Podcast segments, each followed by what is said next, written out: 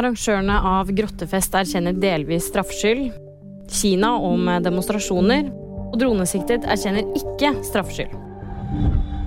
Arrangørene av grottefesten i Oslo for eh, to år siden sier i retten at de begge delvis erkjenner straffskyld for brudd på brann- og eksplosjonsvernsloven. Tirsdag morgen møtte to menn i Oslo tingrett tiltalt for å ha arrangert den ulovlige grottefesten på Sankthanshaugen. Minst tre personer mistet bevisstheten som følge av karbonmonoksidforgiftning, og 54 personer som var til stede, oppsøkte legevakten i etterkant. Demonstrasjonene i Kina de siste dagene skyldes overdrevne koronatiltak, sier myndighetene. Det er første gangen de beskriver koronatiltakene i landet som overdrevne. Kina har hatt en nullsmittestrategi, og i helgen så brøt ut protester i en rekke storbyer.